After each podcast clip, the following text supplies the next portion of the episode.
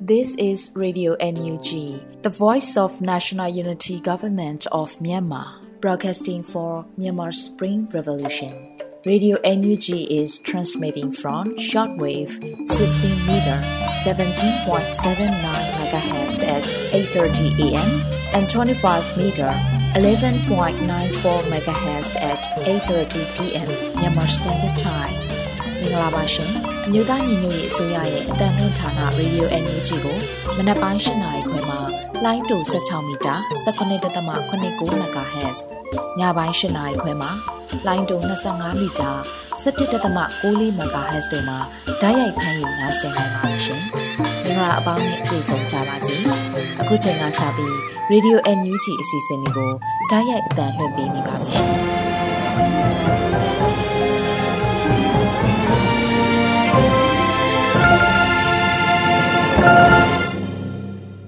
မြန်မာနိုင်ငံသူနိုင်ငံသားအပေါင်းတဘာဝပြီးစစ်အာဏာရှင်ဘေးတို့ကနေကင်းဝေးပြီးကိုယ်စိတ်နှပြကျန်းမာချမ်းသာလို့ဘေးကင်းလုံခြုံကြပါစေလို့ Radio NUG ဖွဲ့သူဖွဲ့သားတွေကဆုတောင်းမေတ္တာပို့သလိုက်ရပါတယ်ရှင်။အခုချိန်ကစပြီးကာကွယ်ရေးဝန်ကြီးဌာနရဲ့စီရေးသတင်းအကျဉ်းချုပ်ကိုຫນွေဦးမောင်ကဖတ်ကြားတင်ပြပေးတော့မှာဖြစ်ပါတယ်ရှင်။စစ်ကောင်စီနဲ့တိုက်ပွဲဖြစ်ပွားမှုသတင်းများကိုတင်ဆက်ပေးပါမယ်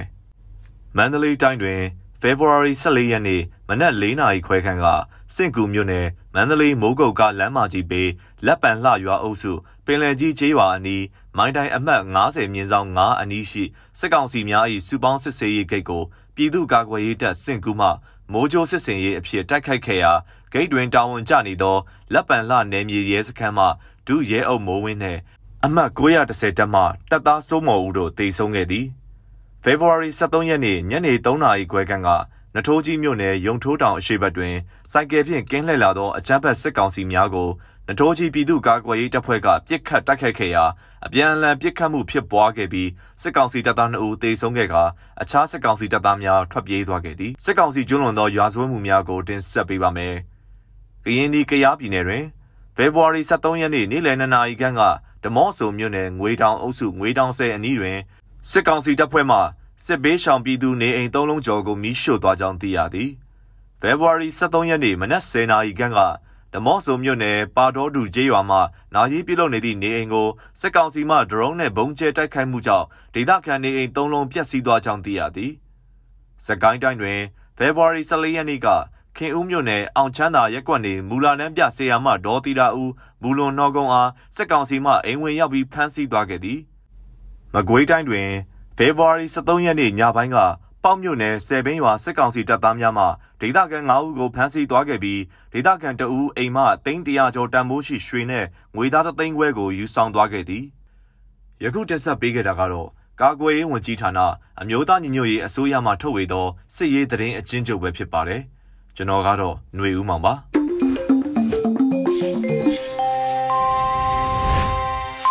Radio NUG မှာဆက်လက်အတန်လွှင့်နေပါတယ်ရှင်။ Radio NUG ရဲ့နောက်ဆုံးရသတင်းတွေကိုတော့ຫນွေဦးမိုင်ကဖတ်ကြားတင်ပြပေးတော့မှာဖြစ်ပါတယ်ရှင်။မင်္ဂလာပါရှင်။အခုချိန်ကစပြီး Radio NUG ရဲ့နောက်ဆုံးရသတင်းချင်းချုပ်ကိုဖတ်ကြားပါတော့မယ်။ဤသတင်းများကို Radio NUG သတင်းတောင်ခံများနဲ့ခိုင်လုံသောမိဖက်သတင်းရင်းမြစ်များစီမှအခြေခံတင်ပြထားခြင်းဖြစ်ပါတယ်ရှင်။ကျမຫນွေဦးမိုင်ပါ။ ပထမဆုံးအမျိုးသားညီညွတ်ရေး NUG အစိုးရကဘေးဒုက္ခရောက်နေတဲ့ပြည်သူတွေထံကူညီပံ့ပိုးနေတဲ့သတင်းကိုတင်ပြပေးပါမယ်။အမျိုးသားညီညွတ်ရေးအစိုးရလူသားချင်းစာနာထောက်ထားရေးနဲ့ဘေးအန္တရာယ်ဆိုင်ရာစီမံခန့်ခွဲဝင်ကြီးဌာနနေဖြင့်ပြည်သူဝန်ဆောင်မှုလုပ်ငန်းများကိုနီလာမျိုးစုံဖြင့်ကြိုးပမ်းဆောင်ရွက်လက်ရှိကြောင်းသိရပါဗျ။အာနာသိန်းအကြံဖက်စစ်တပ်၏ထိုးစစ်ဆင်တိုက်ခိုက်မှုများကြောင့်ကရင်ပြည်နယ်အတွင်းဘေးလွတ်မီဟုထင်သောနေရာများသို့ ထွက်ပြေးပုန်းရှောင်နေကြသောပြည်သူများရှမ်းပြည်နယ်တောင်ပိုင်းရှိမြို့နယ်များနဲ့ကရင်ပြည်နယ်စစ်ဆက်မြို့နယ်များသို့လာရောက်ခိုလွန်လက်ရှိကြသည့်ပြည်သူများတနင်္သာရီတိုင်းဒေသကြီးမွန်ပြည်နယ်ကရင်ပြည်နယ်မကွေးတိုင်းဒေသကြီးစကိုင်းတိုင်းဒေသကြီးကချင်ပြည်နယ်များရှိ တိုက်ပွဲရှောင်ပြည်သူများအတွက်ကူညီပံ့ပိုးခဲ့ခြင်းဖြစ်ပါတယ်။အခုလိုဘေးဒုက္ခရောက်နေကြတဲ့ပြည်သူများထံထောက်ပံ့မှုများပြုလုပ်ရမှာ ထွက်ပြေးတိမ်းရှောင်စစ်ဘေးရှောင်များအတွက်306.6နှစ်တန်းကြဆုံးသူရဲကောင်းနဲ့ထိခိုက်ဒဏ်ရာရသူများကို17.5တန်းဝင်ကြီးဌာန CDN ဝန်ထမ်းများကို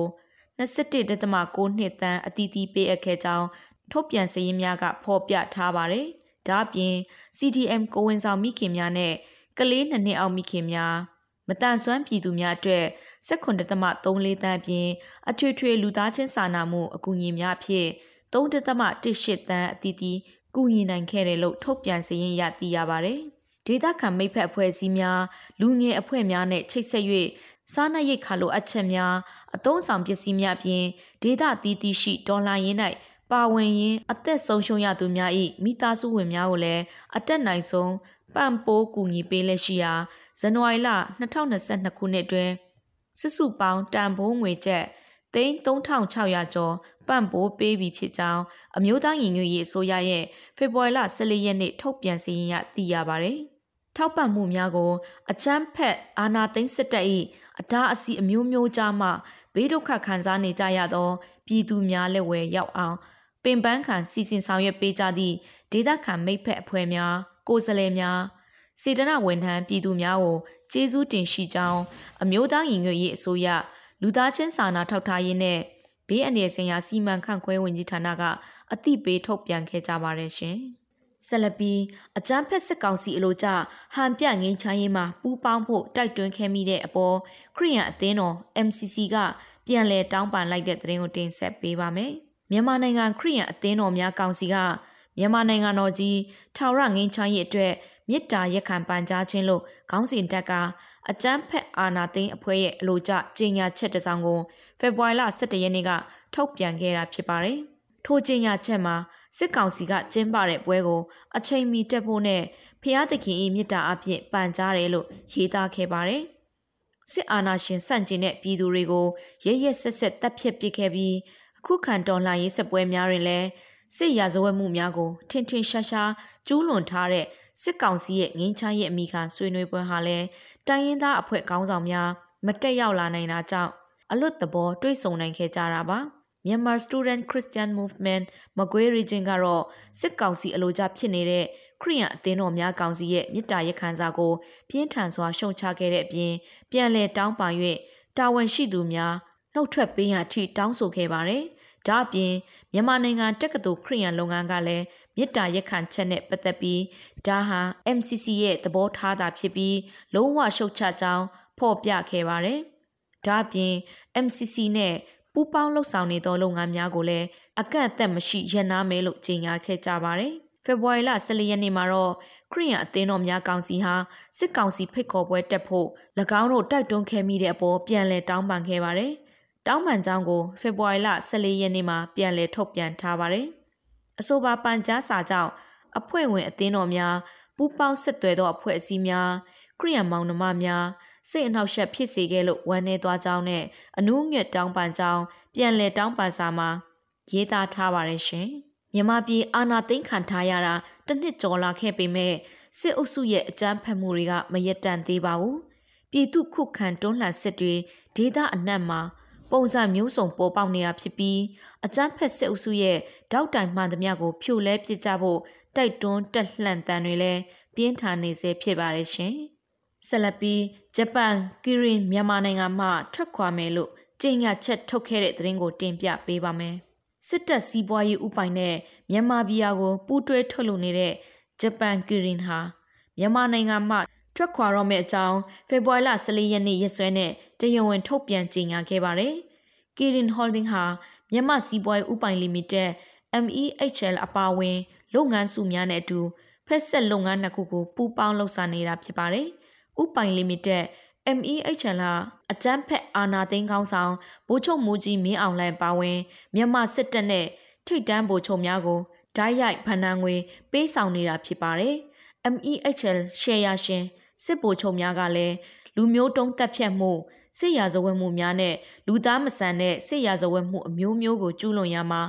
ဓာတ်ရိုက်တာဝန်ရှိသူများဖြစ်ကြပါတယ်။နေဦးတော်လှန်ရေးကာလမှာပြည်သူလူထုတရက်လုံးကအကြမ်းဖက်စစ်တပ်နဲ့စစ်စစ်သည့်လုပ်ငန်းမှန်သမျှကိုပြစ်မှတ်ထားတပိတ်မှောက်ဆန့်ကျင်နေကြတာဖြစ်ပြီးမြန်မာပြည်ဟာလည်းအကြီးအကျယ်ဆန့်ကျင်ခံနေရပါတယ်။ပြည်သူများတပိတ်မှောက်တာခံရပြီးနောက်ကီရင်ဟာ2021ခုနှစ်ပထမနှစ်ဝင်မှာပဲတနှစ်တာရောင်းချရငွေ 46ရာခိုင်နှုန်းကျဆင်းသွားကြောင်းကြေညာခဲ့ရပါတယ်။အခုလို Kirin Holding က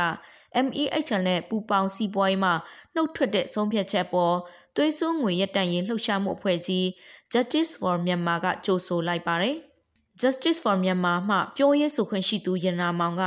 မြန်မာဂျပန်နဲ့ကမ္ဘာလုံးဆိုင်ရာအရက်ဖက်အဖွဲ့အစည်းတွေရဲ့တောင်းဆိုချက်တွေကို MEHL နဲ့သူတို့ရဲ့လုပ်ငန်းအဆုံးသတ်ဖို့ကွီရင်ရဲ့ဆုံးဖြတ်ချက်ကိုကြိုဆိုပါတယ်။ မြန်မာပြည်ကိုတပိတ်မှောက်မှုမှာတန်းနဲ့ချီပြီးပါဝင်ခဲ့ကြတာဖြစ်လို့စုပေါင်းလှုပ်ဆောင်မှုကစစ်အုပ်စုအပေါ်နှောက်ယှက်နိုင်ကြောင်းပြသနေပါတယ်။ကီရင်ဟာမြန်မာစစ်တပ်နဲ့ရစ်ဆက်ကြမ်းကြုတ်တဲ့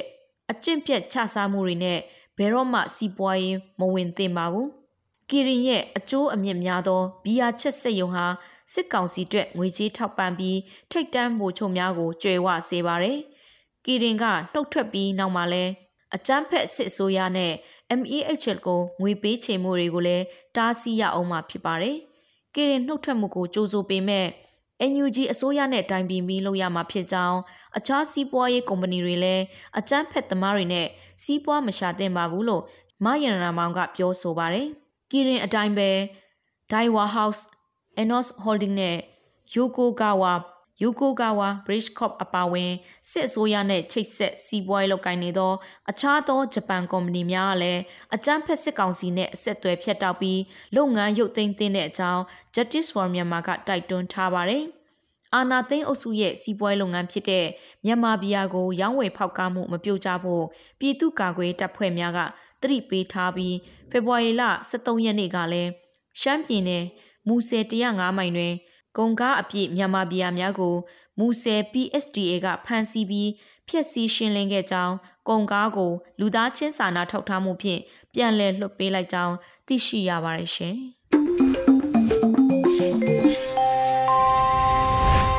နောက်ဆုံးရသတင်းတွေကိုနားဆင်ကြကြရတာဖြစ်ပါတယ်။အခုဆက်လက်ပြီးပြည်သူခုခံတွန်းလှန်စစ်သတင်းတွေကိုຫນွေဦးလင်းကဖတ်ကြားတင်ပြပေးထားပါတယ်ရှင်။ခုချိန်ကစပြီး တိုင်းသားညီနောင်အင်အားစုတွေပြည်သူ့ကာကွယ်ရေးတပ်မတော် PDF တပ်သားတွေပြည်သူလူထုရဲ့အချိန်ဟုန်မြင့်မားလာတော့တိုက်ပွဲသတင်းတွေကိုစူးစီးတင်ဆက်ပေးသွားတော့မှာဖြစ်ပါတယ်။ကျွန်တော်ຫນွေဦးလင်းပါပထမဆုံးအနေနဲ့နထိုးကြီးရုံတိုးတောင်အရှိဘက်တွင်စစ်ကောင်စီတပ်ဖွဲ့ကိုနထိုးကြီး PDF တိုက်ခိုက်လို့စစ်သား2ဦးသေဆုံးတဲ့တဲ့ရင်ကိုတင်ဆက်ပါမယ်။ မန္တလေးတိုင်းနထိုးကြီးမြို့နယ်ရုံတိုးထောင်အရှိဘက်တွင်စိုက်ကယ်မားဖြင့်ကင်းလှည့်လာသောအကြမ်းဖက်စစ်ကောင်စီတပ်ဖွဲ့ကိုနထိုးကြီးပြည်သူ့ကာကွယ်ရေးတပ်ဖွဲ့ကယမနေ့ဖေဖော်ဝါရီလ23ရက်နေ့ညနေ3နာရီခွဲတွင်ပြစ်ခတ်တိုက်ခတ်ခဲ့ရာစစ်သား2ဦးသေဆုံးသွားပြီးအခြားစစ်သားများမှထွက်ပြေးသွားကြောင်းသတင်းရရှိပါသည်အကြမ်းဖက်စစ်ကောင်စီတပ်ဖွဲ့များသည့်လက်နက်ကြီးဖြင့်ကာပစ်ပစ်ကာပြန်လည်ဆုတ်ခွာခြင်းတေဆုံးစစ်သားအလောင်းများကိုပြန်လည်တည်ဆောင်သွားကြောင်းပြည်သူ့ကာကွယ်ရေးတပ်ဖွဲ့များအထိကိမရှိခဲ့ကြောင်းသိရှိရပါသည်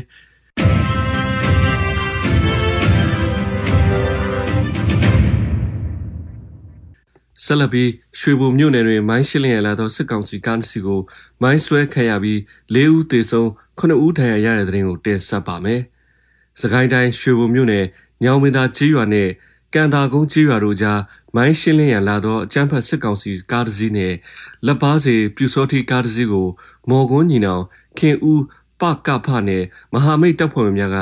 ယမနေ့ဖေဖော်ဝါရီလ23ရက်နေ့နနက်8နာရီတွင် မိုင်းဆွဲတိုက်ခိုက်ရာစစ်ကောင်စီဘက်မှ4ဦးသေဆုံးပြီး9ဦးဒဏ်ရာရရှိကြောင်းသတင်းရရှိပါသည်။မိုင်းဆွဲတိုက်ခိုက်ဖို့ဒေသကာကွယ်အဖွဲ့များနှစ်ရက်ခန့်စောင့်ဆိုင်းခဲ့ရကြောင်းနဲ့အထီးကိုက်မရှိဆုတ်ခွာနိုင်ခဲ့ကြောင်းမော်ကွန်းညီနောင်အဖွဲ့ထံမှသိရှိရပါတယ်။အလားတူယမနေ့ညနေပိုင်းတွင်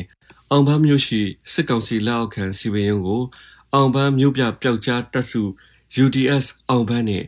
ကလောပြည်သူ့ကာကွယ်ရေးပူးပေါင်းကဖောက်ခွဲတိုက်ခတ်ခဲ့ကြောင်းသတင်းရရှိပါသည်။ Urban Task Force အောင်ပန်းကိုဖေဖော်ဝါရီလ23ရက်နေ့တွင်စတင်ဖွဲ့စည်းခဲ့ပြီး NUG ချမှတ်ထားသောမူဝါဒများနဲ့အညီစစ်ကောင်စီကိုတော်လှန်သွားမည်ဟုထုတ်ပြန်ထားပါသည်။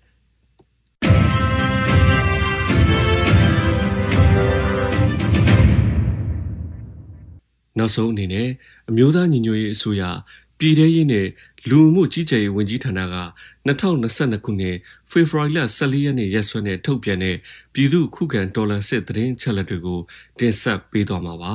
။အာနာသိန်းအကြမ်းဖက်စစ်အုပ်စု၏ပြည်သူလူထုပေါ်အကြမ်းဖက်ဖိနှိပ်ဖမ်းဆီးတိုက်ခိုက်တပ်ဖြတ်နေမှုများကိုပြည်သူလူထုတရက်လုံးကအသက်ရှင်တန်ရေးအတွက်မိမိကိုယ်ကိုမိမိခုခံကာကွယ်ပိုင်ခွင့်ရာပြည်သူခုခံစစ် People Defenses War ကိုဆင်နွှဲလျက်ရှိပါတယ်။ တရင်ချက်လက်များရာ73ရက်2လ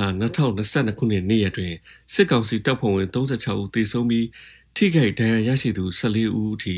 ခုခံတိုက်ခိုက်နိုင်ခဲ့ပါတယ်။စစ်အာဏာရှင်စနစ်မြမမြေပေါ်မှာပြီးတိုင်ချုပ်ငင်းရင်းနဲ့ Federal Democracy စနစ်တည်ဆောက်ရေးအတွက်ငြိမ်းချမ်းစွာဆန္ဒပြသည့်လူထုတပိတ်တိုက်ပွဲများက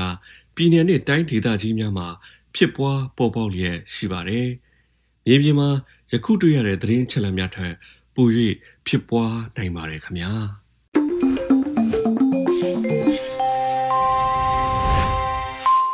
အခုဆက်လက်ပြီး Radio NUG ရဲ့တော်လန်ရေးတေးဂီတာအစီအစဉ်မှာတမ်ပိုအဖွဲ့တည်ဆိုထားတဲ့အနာရမဲ့တိုက်ပွဲဆိုတဲ့ဒေသချင်းကိုနားဆင်ကြရတော့မှာဖြစ်ပါတယ်ရှင်။အရေးကြီးပြီဟဲ့ငါတို့သွေးနေကြဖို့အချိန်တန်ပြီလေမတူတာများ မမနာဒီအချိန်မှာအကုန်တင်ပုံချေမမြင်နိုင်တဲ့အနည်းဆုံးမှာရန်သူများငါတို့သွေးကွဲသွားမဲ့ညတွေစောင်းနေလူလူချင်းအဖိနှိပ်သူအာနာရှင်များအကြောက်တဆုံးလက်နက်ကညီညွတ်ခြင်းပဲအိုးအညာတာကင်းလို့နေ ရန်သူဟာအင်အားကြီးတယ်အိုးဘာကိုကြောက်ရမလဲငါတို့ဘက်မှာသူရဲ့ကောင်းတွေရှိတယ်လာအတူတူရှိထွက်ခဲ့ရင်ဆိုင်မဲ့အင်အားပြည့်နေတာငါတို့အား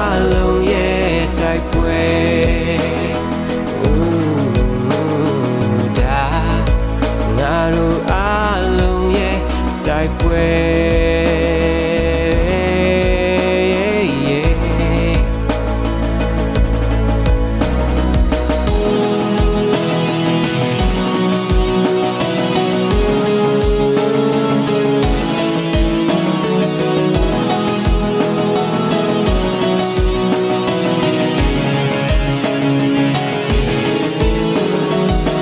နိုင်တဲ့အနည်းဆုံးမှာရန်သူ များငါတို့တွေးကွဲသွားမဲ့ညာတွေစောင်းနေ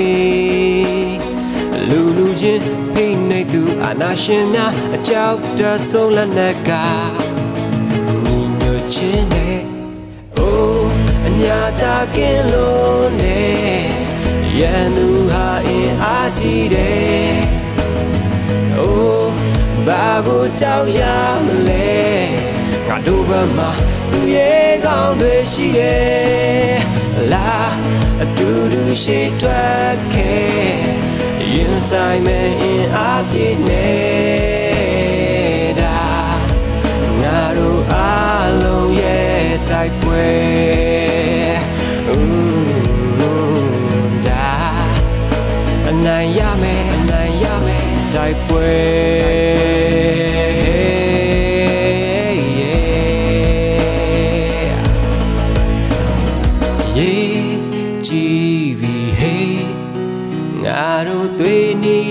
ဖို့အချိန်တန်ပြီလေ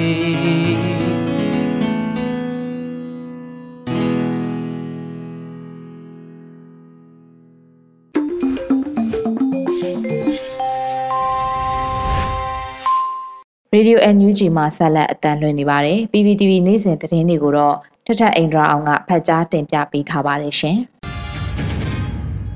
ပထမဆုံးတင်ဆက်ပေးမှာကတော့ Generation Z ရဲ့တီထွင်ဖန်တီးမှုစွမ်းအားဟာ နှစ်ပေါင်းများစွာကြာမှရနိုင်မဲ့လက်နက်တွေကိုလာပိုင်းအနှဲငယ်အတွင်းရရှိလာခဲ့တယ်လို့ကာကွယ်ရေးအတွင်းဝင်ဦးနိုင်ထူအောင်ပြောကြားလိုက်တဲ့ဆိုတဲ့သတင်းမှာလူငယ်တွေရဲ့တီထွင်ဖန်တီးနိုင်မှုစွမ်းအားမြင့်မားမှုတွေနဲ့နှစ်ပေါင်းများစွာကြာမှရနိုင်မဲ့ပညာရက်တွေကိုလာပိုင်းနှဲငယ်အတွင်းမှာရရှိလာပြီးတော့တိုးတက်မှုများစွာစောင့်ကျဉ်လာနိုင်တယ်လက်နက်ရရှိရေးမှာခက်ခဲရင်တော့မှအခုထုတ်လုပ်နိုင်ပြီဆိုတဲ့အခြေအနေတွေဆောင်ရွက်လာနိုင်ပါတယ်လို့ကာကွယ်ရေးအတွင်းဝင်ဦးနိုင်ထူအောင်က NSD နဲ့တွေ့ဆုံမေးမြန်းခန်းမှာပြောကြားလိုက်တာပါ။ တနစ်တာပြည့်မြောက်တော့မဲ့ကာလအတွင်းမှာအဓိကဆောင်ရွက်ထားနိုင်တာကတော့ချင်းစော့ကွန်မန်ဖြစ်ပြီးချင်းစော့ကွန်မန်ရဲ့အပေါ်မှာဗဟိုကုတ်ကဲရေးနဲ့ပေါင်းဆက်ညီနိုင်ရေးကော်မတီ C3C ကိုထားပြီးတော့ဖွဲ့စည်းနိုင်ခဲ့တဲ့ဆိုတာနဲ့ C3C ကိုဖွဲ့စည်းတာမှာ NUG တခုတည်းမဟုတ်ပဲတိုင်းရင်းသားလက်နက်ကိုင်အဖွဲ့အစည်းတွေပါဝင်ထားတယ်လို့ဆိုပါတယ်။ကာကွယ်ရေးဝန်ကြီးဌာန NUG တခုတည်းမဟုတ်ဘူးတိုင်းရင်းသားလက်နက်ကိုင်တော်လှန်ရေးအဖွဲ့အစည်းတွေပါပါဝင်တဲ့ချင်းစော့ကွန်မန်တခုကိုဆောင်ရွက်နိုင်ခဲ့တဲ့ ပြန့်ကျဲနေတဲ့ local defense force တွေကိုအတိုင်းအတာတစ်ခုအနေနဲ့ပေါ့အတိုင်းအတာတစ်ခုအထိချင်းစော့ကွန်မန်နဲ့မှာထည့်သွင်းပြီးတော့တော်လှန်ရေးမှာစနစ်တကျပါဝင်လာနိုင်အောင်ဆောင်ရွက်နိုင်ခဲ့တာရှိပါတယ်လို့ဦးနိုင်ထူအောင်ကဆက်ပြောပါတယ်လက်ရှိချိန်မှာတော့ပြည်သူ့ကာကွယ်ရေးတပ်ဖွဲ့တွေအားလုံးကိုစီကံထိန်းသိမ်းရေးနဲ့ပတ်သက်ပြီးအကောင်းမွန်ဆုံးလှုံ့ဆော်ထားနိုင်ခဲ့တယ်လို့လည်းပြောကြားထားတာတွေ့ရပါတယ်ပြည်သူ့ကာကွယ်ရေးတပ်ဖွဲ့တွေကိုတင်ကြားတဲ့အခါမှာလဲကုတ်ဆော့ကွန်တက်ကိုအဓိကအထူးအလေးပေးတင်ကြားပြီးတော့ စစ်သားကောင်းတယောက်မှလိုက်နာရမယ့်ကျင့်ဝတ်တွေကိုအကောင်းဆုံးတင် जा ပြသထားတယ်လို့ဆိုထားပါတယ်။ PDF တွေကအဖွဲ့တွေအများကြီးရှိနေတယ်နေရာတိုင်းမှာရှိနေတယ်ဆိုပေမဲ့စစ်ကောင်စီနဲ့နှိုင်းယှဉ်မယ်ဆိုရင်စီကံလိုက်နာဖို့ကဘယ်လို့မှနှိုင်းယှဉ်လို့မရအောင်စီကံရှိတယ်ပြည်သူတွေကအားကိုးတယ်ပြည်သူတွေကယုံကြည်တယ်လို့ဦးနိုင်ထူအောင်ကပြောပါတယ်။ အမျိုးသားညီညွတ်ရေးအစိုးရကာကွယ်ရေးဝန်ကြီးဌာနအနေနဲ့ကတော့တိုက်ပွဲအတွက်အသင့်ဖြစ်မဲ့လူစွမ်းအရင်းမြစ်တွေကိုမွေးထုတ်ထားပြီးဖြစ်တယ်လို့လက်နက်ရရှိရေးအပိုင်းမှာလည်းအတိုင်းအတာတစ်ခုအထိတော့လှုပ်ဆောင်ထားနိုင်တယ်လို့လည်းမှတ်ချက်ပေးထားတာတွေ့ရပါတယ်။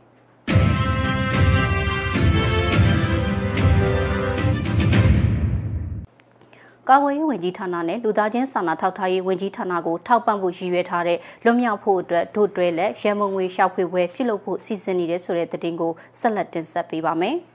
လွန်မြောက်ဖို့အတွက်ဒုတွဲလက်ရန်မုံငွေရှောက်ဖွေရေးကန်ဆန်းမဲ့အစီအစဉ်ကိုနော်ဝေးနိုင်ငံမှာသတင်းသုံးနေထိုင်တဲ့ရွှေဝါရောင်ဆရာတော်အရှင်ထောက်ရာကဦးဆောင်ပြီးအမေရိကန်နိုင်ငံဝါရှင်တန် DC မေရီလန်းနဲ့ဗာဂျီးနီးယားပြည်နယ်တွေကမြန်မာမိသားစုတွေ ဗမာဒီမိုကရေစီအရေးလှုပ်ရှားထောက်ပံ့ရေးအဖွဲ့တို့ကစီစဉ်နေတာလို့ကန်ဆယ်မဲအစီအစဉ်ဖြစ်မြောက်ရေးကော်မတီကသတင်းထုတ်ပြန်ပါတယ်။ဒီရမငွေရှောက်ဖွေပွဲကို CRPH OFP Fundraising Program ရဲ့ပေါင်းစပ်မှုနဲ့အတူအနီးကပ်ဆောင်ရွက်အကောင့်ထဲပေါ်နေတာလို့လည်းဆိုထားပါတယ်။ကန်ဆယ်မဲစုများအဖြစ်လူထုခေါင်းဆောင်ဒေါအောင်ဆန်းစုကြည်လက်မှတ်ပါတဲ့တန်ဖိုးမဖြတ်နိုင်သောစာအုပ်လေးနဲ့အတူပကြီးစံဝင်တောင်ပကြီးချောဤသိန်းပကြီးနုရင်ပကြီးထွန်းဒီလင် ပကြီးစောကနေဒီတို့ရဲ့အမေဒေါအောင်ဆန်းစုကြည်ရဲ့ဂုံကိုဖော်ကျူးရေးဆွဲထားတဲ့အဖိုးရန်ပကြီးတွေအပြင်ဒေါအောင်ဆန်းစုကြည်ရုပ်ပုံပါဒင်ကားပြားတွေကိုပါအမတ်တရစုတွေအဖြစ်ထည့်သွင်းထားပါတယ်ခုအစီအစဉ်မှာတမှုထူးခြားပြီးပထမအဦးဆုံးအနေနဲ့ NFT Digital အမှုပညာလက်ရာတွေကိုလည်းဆုလက်ဆောင်အဖြစ်နဲ့ထည့်သွင်းပေးသွားဖို့ကြိုးစားနေတယ်လို့ဆိုထားပါတယ်။ လွန်မြောက်ဖို့အတွက်တို့တွဲလက်ကန်ဆယ်မဲအစီအစဉ်ကြိုတင်မိတ်ဆက်ပွဲအွန်လိုင်းအခမ်းအနားကိုတော့ဖေဖော်ဝါရီလ20ရက်နေ့တနင်္ဂနွေနေ့မြန်မာစံတော်ချိန်ည8နာရီခွဲအချိန်မှာပြုလုပ်မှာဖြစ်ပြီးကန်ဆယ်မဲလက်မှတ်အဖြစ်နဲ့တစောင်ကိုအမေရိကန်ဒေါ်လာ20နဲ့ညီမျှတဲ့ဈေးနှုန်းနဲ့ရောင်းချပေးမှာဖြစ်တယ်လို့လည်းကန်ဆယ်မဲဖြစ်မြောက်ရေးကော်မတီကသတင်းထုတ်ပြန်ထားပါတယ်။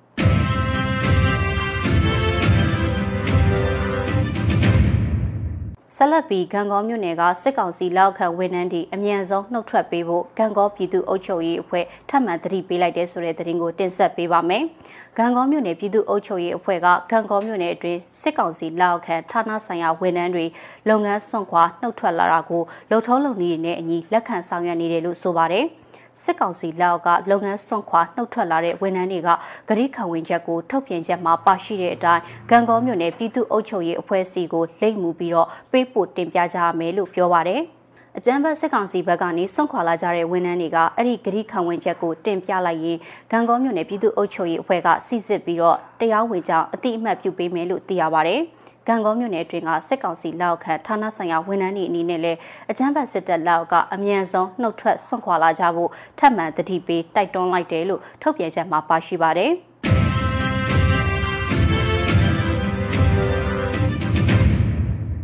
ဆက်လက်ပြီးတော့ဆင်အနာရှင်ထောက်တိုင်တွေကိုအမြင့်ပြည့်ချေမှုန်းသွားမယ်လို့ကရင်ပြည်နယ်အတိုင်းအမြန်ကောင်စီကထုတ်ပြန်လိုက်တဲ့ဆိုတဲ့သတင်းကိုတင်ဆက်ပေးပါမယ်။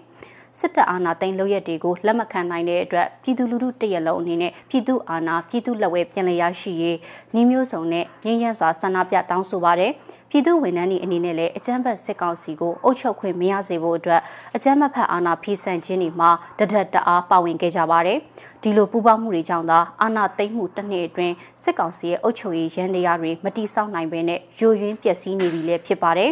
အာဏာသိမ်းစစ်ကောင်စီကိုအမြင့်ပြည့်ချေမှုန်းနိုင်ခြင်းမလုပ်နိုင်ပါက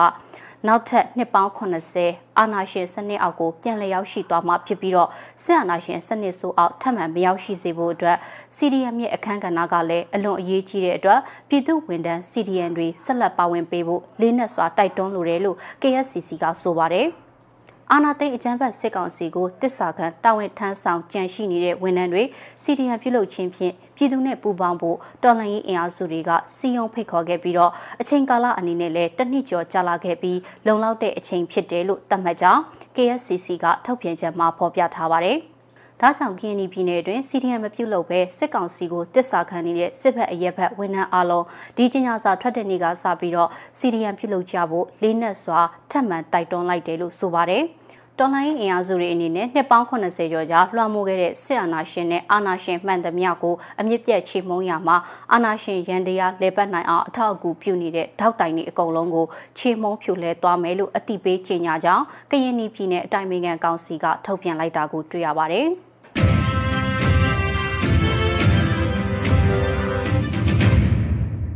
ခုနောက်ဆုံးအနေနဲ့မြန်မာနိုင်ငံတဝန်ကလူမျိုးပေါင်းစုံဘာသာပေါင်းစုံပါဝင်တဲ့ဆရာနာရှင်အမြင့်ပြည့်ချင်းမုံရေးလူထုဆန္ဒပြပွဲသတင်းတွေကိုစူးစီးတင်ဆက်ပြီးတော့မှာပါမုံရွာပင်မတပိတ်ကနိုင်ငံဆိုတာလူထုအမိတ်ဆိုတဲ့စာသားကိုကင်ဆွဲပြီးတော့မုံရွာမျိုးရဲ့လူစီကားရနေရာဖြစ်တဲ့ဈေးတစ်ခုမှာ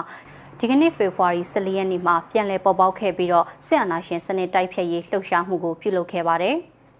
အလံနဲ့အတန်ကိုနားဆွင့်ကြဆိုတဲ့အတိုင်းလမ်းမတွေထက်ကလူလူလှုပ်ရှားမှုတွေဖြစ်တဲ့တပိတ်စစ်ကြောင်းတွေကိုတွေ့ရင်တခဲနဲ့ပူပေါင်းပါဝင်ပေးကြဖို့မြစ်တာရက်ခံထားပါတယ်။စကိုင်းတိုင်းရင်းမပင်အရှိချမ်းနဲ့စလင်းကြီးမြောက်ချမ်းစစ်အာဏာရှင်စန့်ကျင်ရေးရွာပေါင်းစုံ340တရဲမြောက်နေ့တပိတ်ကိုဒီကနေ့မှပြုလုပ်ခဲ့ပြီးစစ်အာဏာရှင်စန့်ကျင်ရေးဟစ်ကြွေးတန်နေနဲ့ဆန္ဒပြခဲ့ပါတယ်။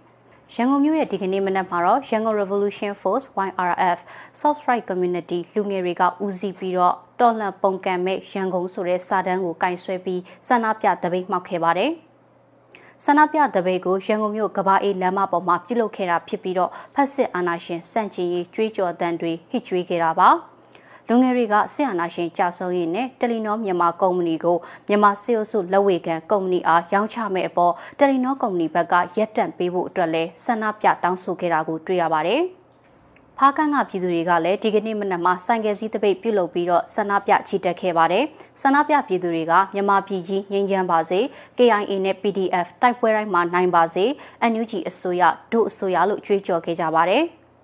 ကလေးမျိုးကလည်းအကြမ်းဖက်ဆင်အာဏာရှင်ချင်းမုံရေးဆန္ဒပြပွဲအဖြစ်382ရက်မြောက်နေ့ကိုဒီကနေ့မှပြုလုပ်ခဲ့ပါတယ်။ဆန္ဒပြပွဲကိုအမျိုးသမီးတွေကဥဆောင်ခဲ့ပြီးတော့အကြမ်းဖက်စစ်တပ်ကြာရှုံးရေးဟစ်ကြွေးခဲ့ကြတာပါ။ရန်ကုန်မြို့ကဘကတာများအဖွဲ့ချုပ်ကចောင်းသားတွေဥဆောင်ပြီးတော့ဒီကနေ့မနက်မှာစစ်သုံးစစ်ကိုအမြင့်ဖြတ်ကြပြည်သူဒီမိုကရေစီအတွက်တိုက်ပွဲဝင်ကြစာသားတွေကင်ဆောင်ပြီးတော့2008ဖွဲ့စည်းပုံအခြေခံဥပဒေစာအုပ်ကိုမိရှို့ပြီးတော့စစ်အာဏာရှင်ခြေမုံရေးဆန္ဒပြခဲ့ပါတယ်။ ဒါကတော့ဖေဖော်ဝါရီလ14ရက်နေ့ဆင်အနာရှင်အမြင့်ပြည့်ချေမှုရေးလူမှုဆန္ဒပြပွဲသတင်းတွေကိုစုစည်းတင်ဆက်ပေးခဲ့တာဖြစ်ပါတယ်။ကျေးဇူးတင်ပါတယ်ရှင်။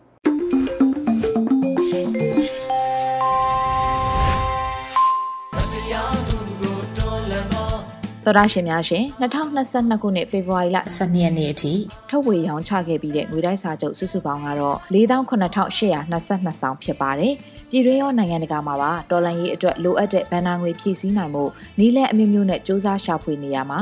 ငွေတိုက်စာချုပ်ထုတ်ဝေရောင်းချခြင်းဟာတော်လန်ရေးရဲ့အရေးပါဆုံးအခန်းကဏ္ဍတစ်ခုဖြစ်လာနေပါတယ်ဒီနေ့အချိန်ထိငွေတိုက်စာချုပ်တွေထုတ်ဝေရောင်းချနိုင်မှုအတွက်အခက်အခဲတွေစွန့်စားရမှုတွေရှိနေပေမဲ့ ကြာရနေရာကနေပူပေါင်းပါဝင်ခဲ့ကြတဲ့ရဲဘော်ရဲဘက်တွေဖြစ်ကြတဲ့ရောင်းပေးသူစီစဉ်သူဝယ်ယူသူနဲ့ကုညီပံ့ပိုးသူတွေအားလုံးဟာတော်လန်ရေးစာမျက်နှာတွေမှာတမိုင်းတွင်နေမဲ့သူတွေအဖြစ်မှတ်တမ်းကျန်ရှိနေမှာဖြစ်ပါတယ်။ငွေတိုက်စာချုပ်မိုးရသေးသူတွေအနေနဲ့လည်းတိုင်းပြည်ကိုအာဏာရှင်လက်ကပြန်ပြီးတိုက်ယူနေချိန်မှာအမျိုးသားညီညွတ်ရေးအစိုးရရဲ့ငွေတိုက်စာချုပ်တွေကိုဝယ်ယူကြခြင်းဖြင့်မိမိတို့ရဲ့ပူးပေါင်းပါဝင်မှုကပီးသက်တည်အဖြစ်ထားရှိကြဖို့ကိုလည်းတိုက်တွန်းလိုက်ရပါတယ်ရှင်။ ဒီကနေ့ကတော့ဒီညနဲ့ပဲ Radio NUG ရဲ့အစီအစဉ်လေးကိုခਿੱတရနာလိုက်ပါမယ်ရှင်။မြမစံတော်ချိန်မနက်၈နာရီခွဲနဲ့ည၈နာရီခွဲအချိန်တွေမှာပြန်လည်ဆုံတွေ့ကြပါစို့။ Radio NUG ကိုမနက်ပိုင်း၈နာရီခွဲမှာလိုင်းတူ16မီတာ17.8 MHz ညပိုင်း၈နာရီခွဲမှာလိုင်းတူ25မီတာ17.6 MHz တို့မှာဓာတ်ရိုက်ဖမ်းလို့နိုင်စေနိုင်ပါပြီ။ မြန်မာနိုင်ငံသူနိုင်ငံသားတွေကိုစိတ်နှပြကျန်းမာချမ်းသာလို့ဘေးကင်းလုံခြုံကြပါစေလို့ Radio NUG အဖွဲ့သူဖွဲ့သားတွေကဆုတောင်းမြတ်တာပို့တာလိုက်ရပါတယ်ရှင်။မြေသားညီမတွေအစိုးရရဲ့စက်သွေးရေးသတင်းအချက်အလက်တွေမျိုးပညာဝန်ကြီးဌာနကထုတ်လွှင့်နေတဲ့ Radio NUG ဖြစ်ပါတယ်။ San Francisco Bay Area အခြေစိုက်မြန်မာမိသားစုတွေနဲ့နိုင်ငံတကာကစေတနာရှင်လို့အားပေးနေတဲ့ Radio NUG ဖြစ်ပါတယ်။အရေးတော်ပုံအောင်ရမည်